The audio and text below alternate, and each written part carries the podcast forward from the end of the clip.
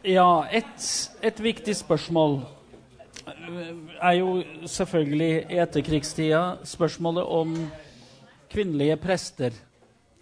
Men før jeg kommer dit, så uh, må jeg si litt om uh, 1950-årene. Altså de, de, de, var, veldig preget av denne helvetesdebatten. Uh, helt klart. og utfallet på Schjelderup-saken var at uh, Og det er jo interessant etter at um, uh, departementet hadde innhenta høringer fra ulike kirkelige høringsinstanser, inkludert de to teologiske fakultetene, så konkluderte departementet med at Christian Schjelderup ikke hadde satt seg ut over bekjennelsen og ordinasjonsløftet. Eh, og det, det, og det kunne man, kunne kan man jo si var et litt spesielt eh, utfall i et lærespørsmål, hvor altså staten så å si konkluderer. Og et spesielt utfall av at vi, ha, at vi hadde på det tidspunktet en statskirke i Norge. Eh, men det regjeringa gjorde, eller departementet gjorde, var jo i stor grad å, eh, å bygge på eh, høringsuttalelsen fra Det teologiske fakultet. Som konkluderte med ikke bare at Skjeldrup burde Ikke bare at Skjelderup kunne fortsette, men at han burde fortsette som biskop i Den norske kirke. For hvis Schjelderup måtte gå, uttalte Det teologiske fakultet, så ville det bli mange kirkemedlemmer i Norge eh, som ville kjenne seg kirkeløse. Altså hvis det ikke var plass for hans syn eh, eh, i, i, i, kirken. Så konkluderte man altså, eh, og Eh, i, i, i, dette spørsmålet, og striden la seg jo etter hvert. Men det var jo på ingen måte enkelt. Uh, og Schjelderup selv opplevde jo at han i stor grad ble frosset ut av sine kollegaer, uh, de andre biskopene. Fordi flere av dem hadde uttalt seg svært kritisk mot ham i, i helvetesdebatten. Um, ellers så er jo så blir det jo altså tydelig at den striden uh, som preger 50-tallet uh, At det definitivt markerer slutten på ja, den type goodwill og sterke posisjon som Kirken hadde hatt i folket uh, under okkupasjonen. Eh, for det man merker veldig tydelig på 50-tallet, det er at kirkebesøket går ganske kraftig ned. Eh, det er ikke lenger det store kirkelige engasjementet som man hadde hatt under krigen, kanskje, særlig. Altså, det går fort til det normale eh, etter krigen. Uh, og for en del av kirkefolket som hadde kanskje hatt, vært veldig optimistiske og sett på muligheten for uh, at Kirken skulle få en sterkere posisjon i samfunnet etter krigen pga. det som hadde vært under krigen, de ble, de ble ganske skuffa. Uh, så har vi en, viktig sak til, hvor, hvor Schjelderup igjen er en, en viktig aktør. Og det er ordinasjonen av den første kvinnelige presten i Den norske kirke. Den aller første eh, kvinne som hadde tatt eh, eh, presteeksamen i Norge, eller kanteol i Norge, var, var Valborg Lerke i 1899. Men veien for henne var jo stengt. Hun var jo dessuten selv imot kvinnelige prester. Eh, slik at hun, eh, hun eh, fikk seg jobb i Oslo Indremisjon, men altså ikke som prest. Eh, I 1938, eh, etter, etter stort eh, påtrykk fra Arbeiderpartiregjeringa, så ble det vedtatt en lov som tillot kvinner å være prester. Eh, men denne loven var samtidig et kompromiss. Eh, den inneholdt en reservasjonsrett. Vil si at de menigheter som av prinsipielle grunner eh, ikke ville ha en kvinne som prest, de kunne reservere seg mot å få det. Altså det var en reservasjonsrett. Og dette blir da kalt for lex Mowinckel, fordi det var venstrelederen Mowinckel så kom med dette kompromissforslaget for å få gjennom loven i Stortinget eh, med denne reservasjonsretten. Men altså, 1938 var det altså åpnet for at kvinner kunne bli prester. Men fremdeles, det var ingen i 1938 av biskopene som var villig til å ordinere en kvinne. Så eh, det tok nå sin tid. Eh, det var først i 1956 at denne unntaksparagrafen fra eh, 1938 ble oppheva. Um, og 1956 betyr altså at kvinner og menn i forhold til presteembetet i, i, Den norske kirke prinsipielt sett er likestilt.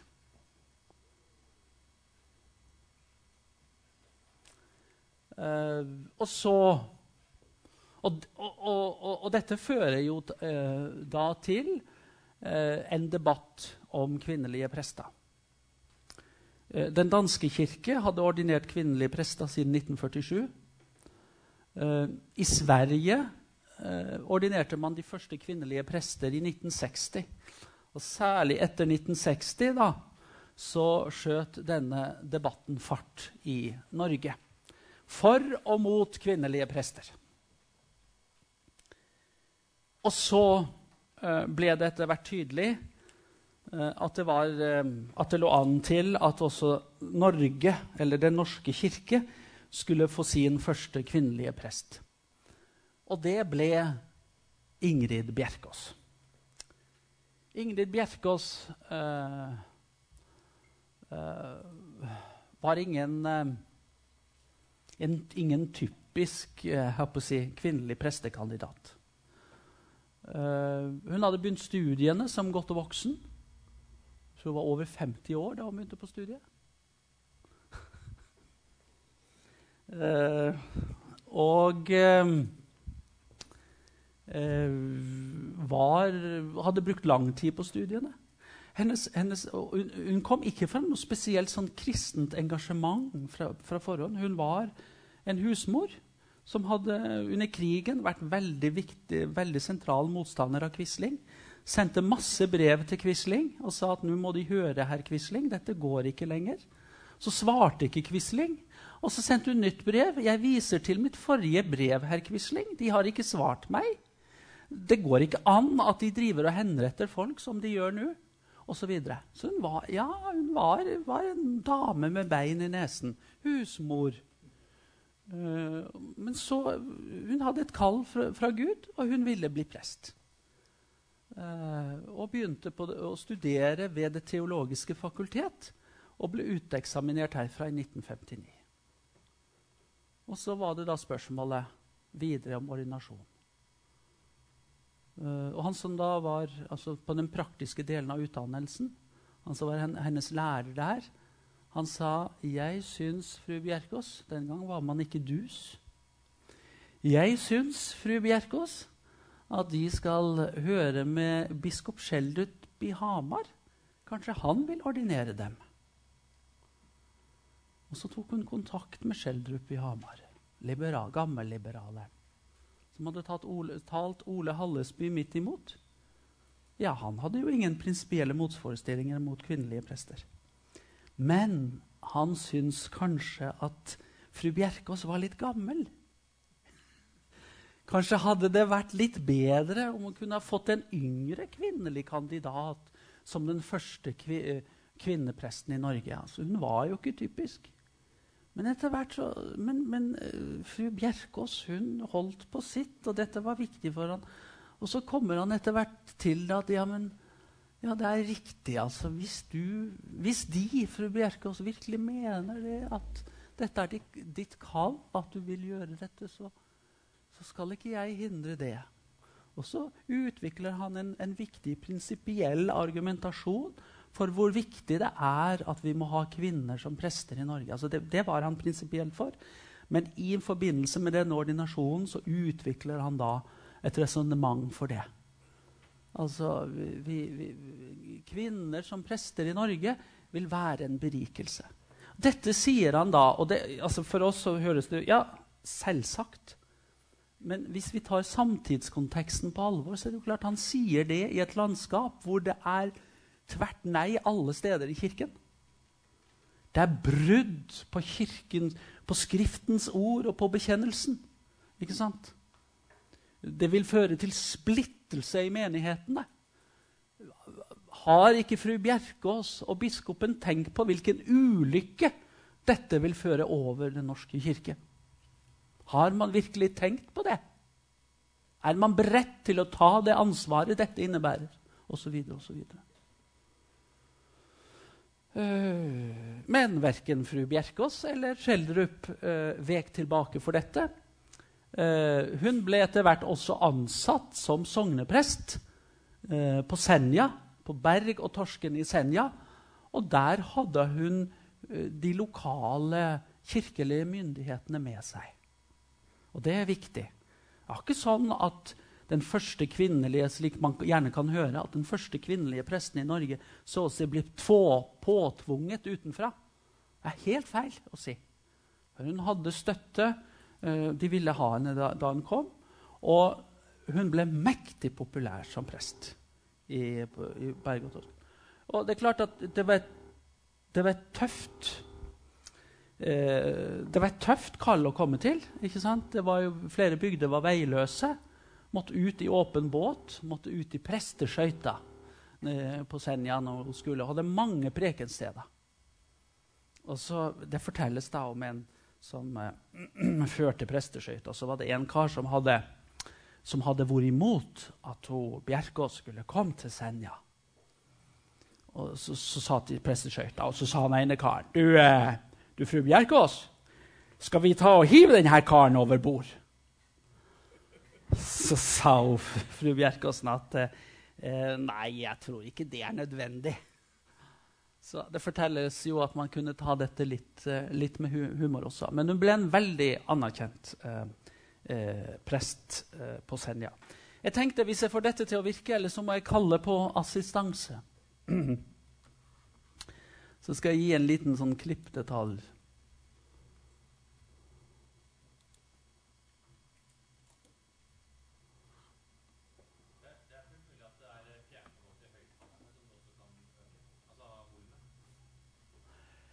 Ja, fjernkontrollen til høyttaleren, ja. Du sier noe.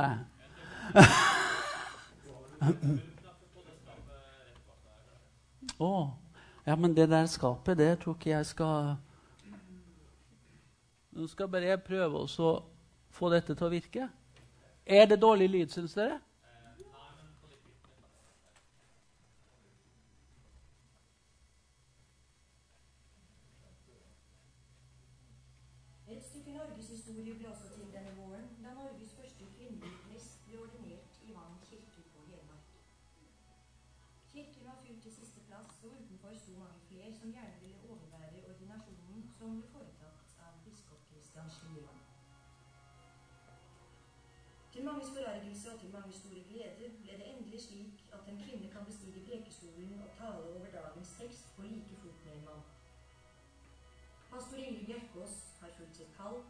Hun dro straks etter ordinasjonen til Berg og Torsken prestegjeld.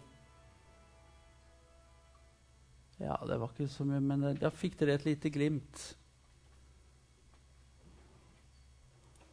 Da fikk dere et lite glimt hvordan det kunne, kunne være. Og det er klart at det var, det var, det var igjen motegjort av uh, Schjelderup, som med det eh, påkalte seg eh, kollegenes vrede i, i, i, denne, i denne saka. Og det er klart at eh, Denne diskusjonen om kvinnelige prester den var jo ikke over selv om, eh, selv om Bjerkås var blitt ordinert og utnevnt til prest. Eh, det ble jo utover på 60-tallet og langt inn på 70-tallet faktisk en, en, av, en, av, de sentrale diskusjonene i, i, i Kirken, og for så vidt i, i, offentligheten også gjennom det. Og det er klart at de som var imot, de mobiliserte jo Bibel og tradisjon mot kvinneprester. Altså øh, ikke sant? Man brukte en del sitat fra Paulus som, som sier at uh, kvinnen skal tie i, i, forsamlingen, og kvinnen skal ikke, skal ikke ha lære, lærefunksjon.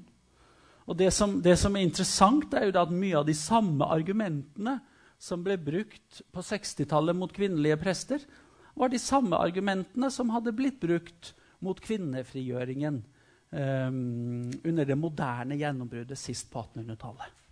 Så det er ganske sånne påfallende paralleller hvis man ser på argumentasjon. Da er det på en måte kvinnens frigjøring og kvinnens offentlige rolle som står i fokus, uh, og som man mobiliserte Bibel og tradisjon mot. Nå så er det eh, mer konkret knytta til hvorvidt kvinnen skal kunne være prest ikke sant? og ha denne typen eh, stilling og embete. Så det er ganske interessant å se disse, disse parallellene over tid i hvordan man argumenterer. Eh, og de som var imot, hevdet også at dette var et samvittighetsspørsmål. De kunne ikke med sin samvittighet eh, gå inn på dette, eh, og, eh, og, krevde da eh, respekt for, for sitt syn. Og Etter hvert så ble det jo utvikla såkalte kjøreregler i forhold til kvinneprestspørsmålet. Uh, som, som, gjorde at det skulle bli etter hvert sånn med flere kvinnelige prester som skulle ivareta de som av prinsipielle og samvittighetsgrunner var imot kvinnelige prester. Hvordan samarbeidet kunne organiseres. Uh, dette, dette spørsmålet er jo definitivt et ja, jeg ville vel si det er et ikke-tema i dag. Uh, men uh, den gang uh, var det virkelig, virkelig et, et, et oppheta tema. Ja.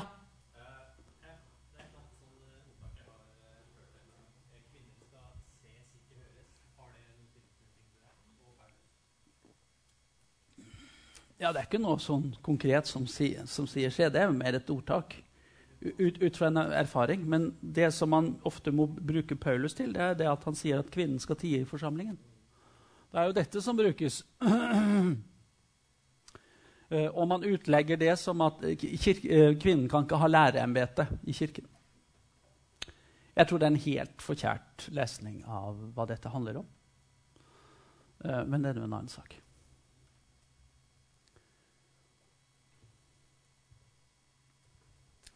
Så det er jo litt interessant, da. At nå er fru Bjerkås ordinert. Um, så på mange måter så kan vi jo si at, at også etter, etterkrigstida er, er en tid i type livssynsstrid på mange måter. Mye skjer internt i kirka. men hvor også offentligheten tar del. Eh, og et spørsmål som definitivt får et offentlig preg, er jo den store striden som det etter hvert blir rundt abortsaken. Uh, og dette det, Dette spørsmålet fører jo til en konfrontasjon mellom kvinnebevegelsen Eh, og arbeiderbevegelsen på den ene sida og kirka og eh, kristenfolket på den andre siden. Det var jo en massiv eh, motstand i kirka mot å gjøre endringer eller liberalisering i den gjeldende abortlovgivning. Eh, og denne striden kom jo for alvor opp eh, i forbindelse med at Det norske Arbeiderparti i 1969 programfesta selvbestemt abort. Det kom jo faktisk opp som et, uh, som et benkeforslag eh, på, på, på, på, landsmøtet. Eh, og eh, i 1975 så fikk vi en lov som fortsatte eh, det såkalte nemndsystemet. Altså nemndsystemet Dere vet kanskje hva det innebærer. Det vil si at det må være en medisinsk nemnd som skulle ta den formelle avgjørelsen eh, ved abort.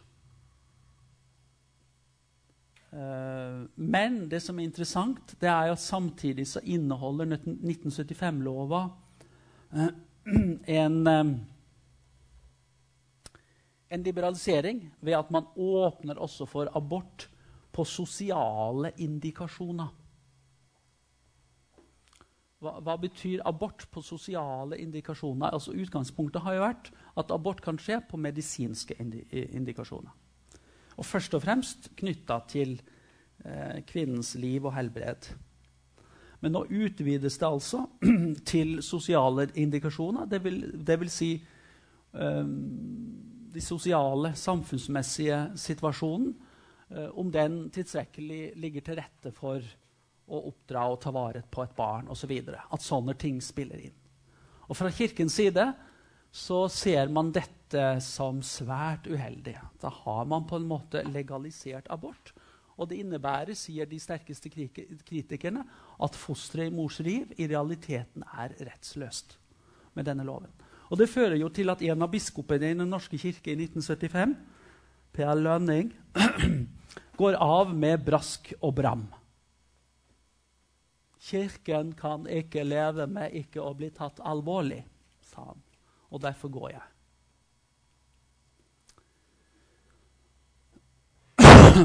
Unnskyld. Sorry. Uh, og det er Det er, det er uh, virkelig uh, Da topper det seg. 1978 får vi loven om selvbestemt abort. Den avskaffer nemndsystemet. Og dette året kan man jo si på mange måter abort, at abortstriden i Norge topper seg. Det fører jo til at biskopen i Den norske kirke eh, eh, eh, utgir et såkalt hyrdebrev. Vet dere hva et hyrdebrev er?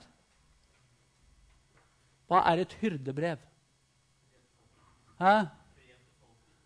Ja, eh, eller til menigheten, eller hva du vil. Ja, ikke sant? Fra biskopene. Og det gjør man i særlig alvorlige saker eller ting som man mener. Så i forbindelse med det så skriver man et hyrdebrev.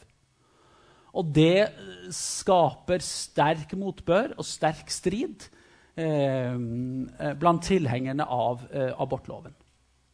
Og det, det, blir eh, demonstrasjoner, og det er faktisk i enkelte kirker Eh, så er det folk som går inn med bannere og ja til abortloven og, og sånne ting. Så det, skjer, det blir virkelig en, en, en, en polarisering. Eh, og, og, 1978 er faktisk også det året hvor så langt eh, det fl hittil flest eh, det største tallet på utmeldinger fra Den norske kirke. Det skjedde i 1978. Enn så lenge. Det er toppåret. Og det, man, etter, etter, alt å dømme så, det, så skjer det nettopp pga. abortstriden. Eh, som vi var inne på, Kirken og organisasjonene kjemper mot. Eh, det etableres en folkeaksjon mot selvbestemt abort og de leverte inn 610 000 underskrifter mot abortlova. Per Lønning søker avskjed. Sogneprest Børre Knutsen i Balsfjord la ned den statlige delen av embetet i 1979. Og å legge ned den statlige delen av sitt embete, har dere hørt om det før? Ja, når skjedde det? Ja, ja, ikke sant. Og det er poenget. Børre Knutsen bruker kirkekampen under krigen som forbilde for sin egen aksjon mot abortloven. Eller fosterdrapsloven, som man kaller den. Eller kalte den. Det er selveste Børre Knutsen. Fred være med hans minne. Ja. Hæ? Knutsen og Ludvigsen? Nei da Ja, han er jo til stede, han. Men eh, abortaksjonen er jo over. Men Knutsen og eh, Nessa eh, ble jo kjent for sine abortaksjoner utover på 80-tallet. Eh, ved å troppe opp på abortklinikker osv. Eh, slik at dette fikk jo etter hvert et veldig aktivistisk preg, særlig fra disse to.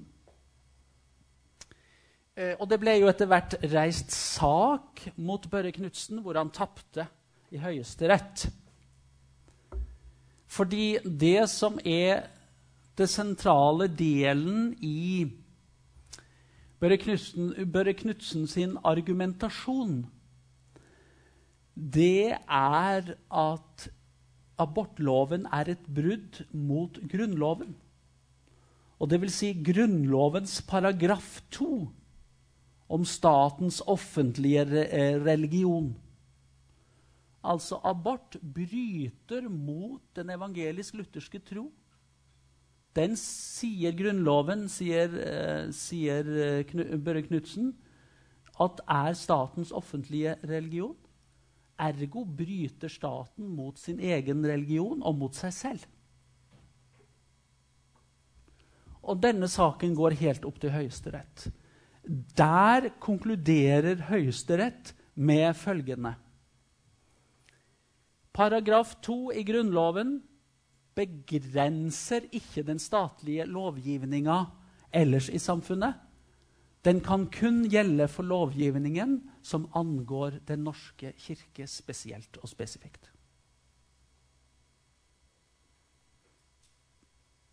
Og det ender jo med at Børre Knutsen blir fradømt sier man jo kappe og krage. Vil si at han mister retten til å være prest i Den norske kirke. Det samme skjer med Ludvig Nessa.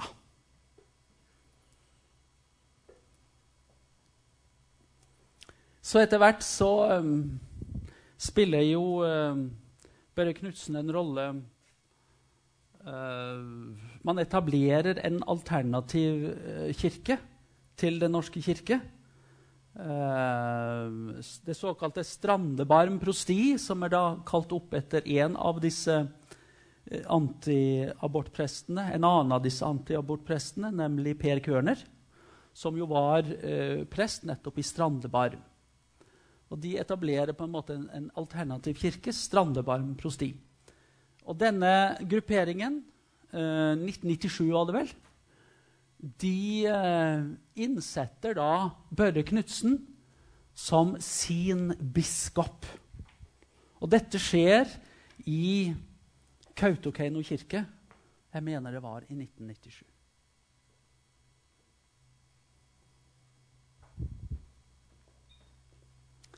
Eh, og Etter hvert så, kalles, så, kaller de seg selv for Den norske kirke i eksil.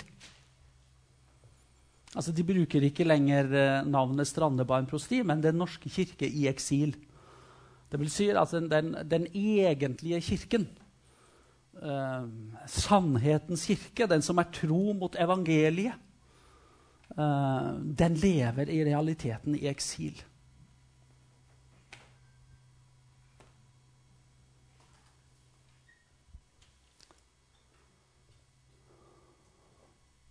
Og det er klart at disse aksjonene til eh, Børre Knutsen, og særlig, særlig Børre Knutsen og Ludvig Nessa, den, den ehm, de, de, får jo helt, helt, klart et offentlig preg. Uh, og, og uh, mange reagerer jo veldig på aksjonsformene, ikke sant? Uh, de kommer med små barnekister, markerer dette på ulike måter i tilknytning til storting. som jeg også sa, abortklinikker, den type ting sender eh, små dukker overspraya med ketsjup selv til kong Olav. ikke sant? Altså, Selv kongen ikke sant, er, har blod på sine hender. altså. Han er konge, konge i, for et land, en nasjon, som gjør fosteret rettsløst osv.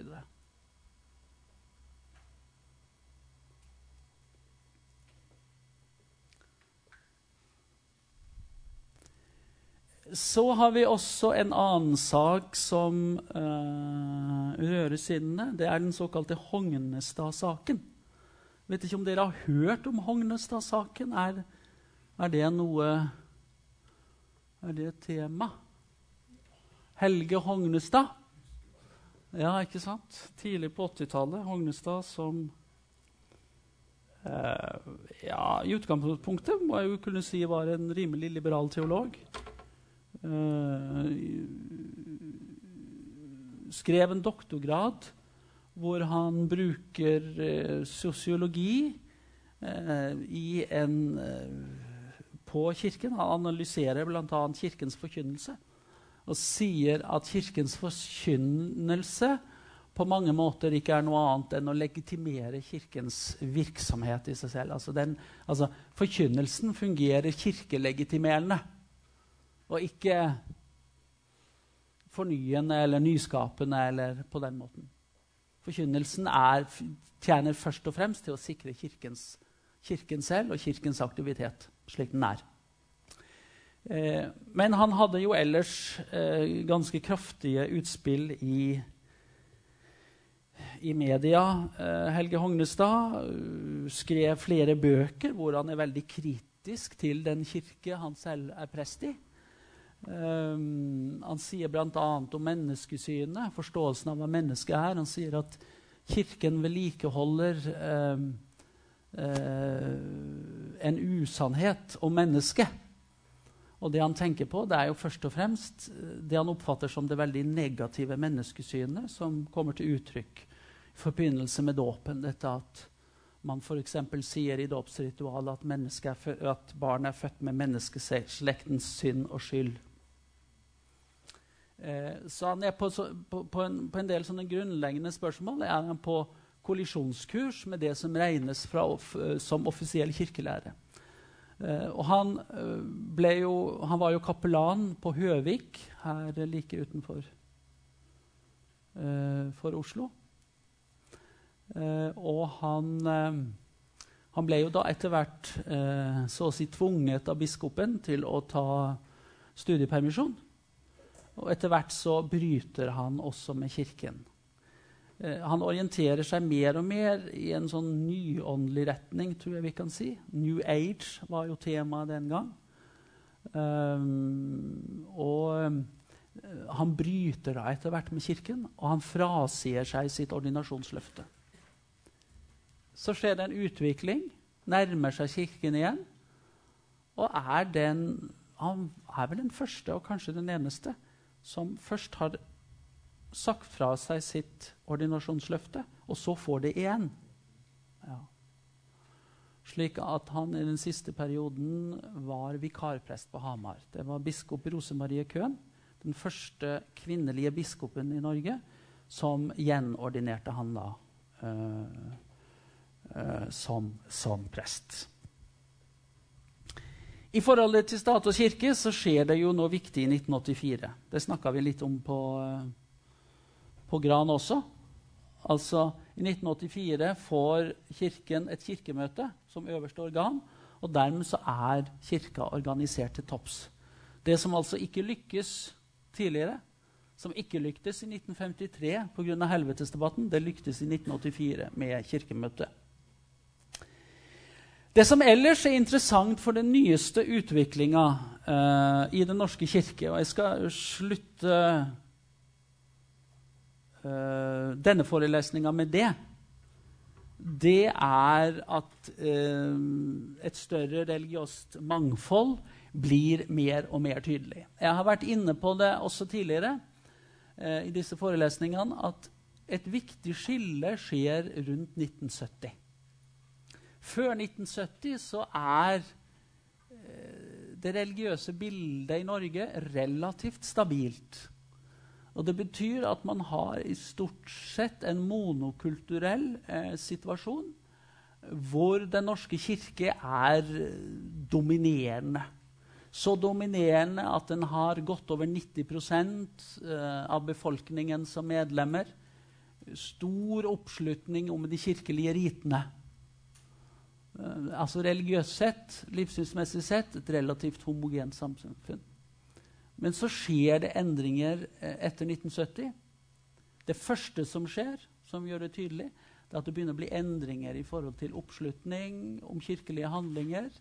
Vi får eh, økt, eh, økte utmeldinger. Og det når altså en topp i 1978 som, enda, som enda ikke eh, er slått, hvis jeg kan si det sånn. Eh, utmeldingstallet i 1978 er en topp fremdeles.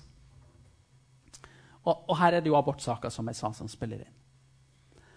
Eh, ellers så blir det jo uh, utover på 80- og 90-tallet mer og mer tydelig eh, at eh, vi står overfor et samfunn som i økende grad blir religiøst pluralistisk.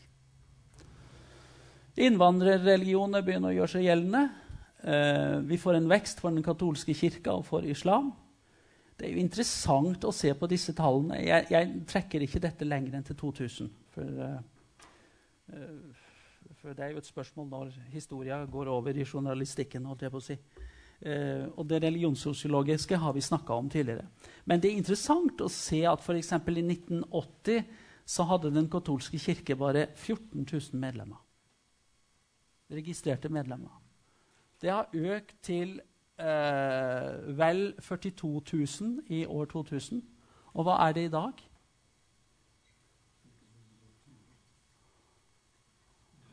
Jeg tror det er enda mer. Ja, 140, eller hva det er. Det har økt med 100 000 på 15 år. Ja. ja. Så det er veldig interessant. Islam 1000 registrerte i 1980. 50 000 i 2000. Hva er det i dag? Ja, 133 000. Så det er bare å, altså På den utviklinga som viser sant, at vi har blitt et, et langt mer eh, eh, religionspluralistisk samfunn. Og samtidig så har prosenten av statskirkemedlemmer i, gått ned. Uh, vi ser her uh, 1989, f.eks. 4,5% av folket sto utenfor statskirken. Uh, hva er tallet i dag? Husker dere det? Ja vel. Vel det. Faktisk 11,5. Og det går stadig opp. Og så raser jo eh, den relative antallet som er med i Den norske kirke i forhold til befolkningen er jo nå nede på 74 som vi har vært inne på. Også dette med at Human-Etisk Forbund var jo det største livssynssamfunnet utenfor Den norske kirke. Uh, var det veldig lenge. Og konkurrerte med pinsevennene om å være størst. Nå er jo dette endret seg radikalt i forhold til at det er Den katolske kirke og det er islam uh, som definitivt er de største samfunnene utenfor Den norske kirke, slik vi vet. Uh, det står på programmet ekskursjon neste gang, men jeg ser at uh, jeg må snakke litt mer om moderne kristendom før vi gir oss. Så jeg foreslår at jeg tar forelesninger her den 22. september. Og da fører vi utviklingen helt opp til til våre dager. Går det bra? Det er fint, men da har vi en avtale på det. Vi møtes altså her. Jeg kan legge ut beskjed om det i fronter også, så alle er innforstått med det. Så da møtes vi her den eh, 22. september. Ja, er det noen spørsmål? Nei. Men da får dere ha en fortsatt fin dag. Ja.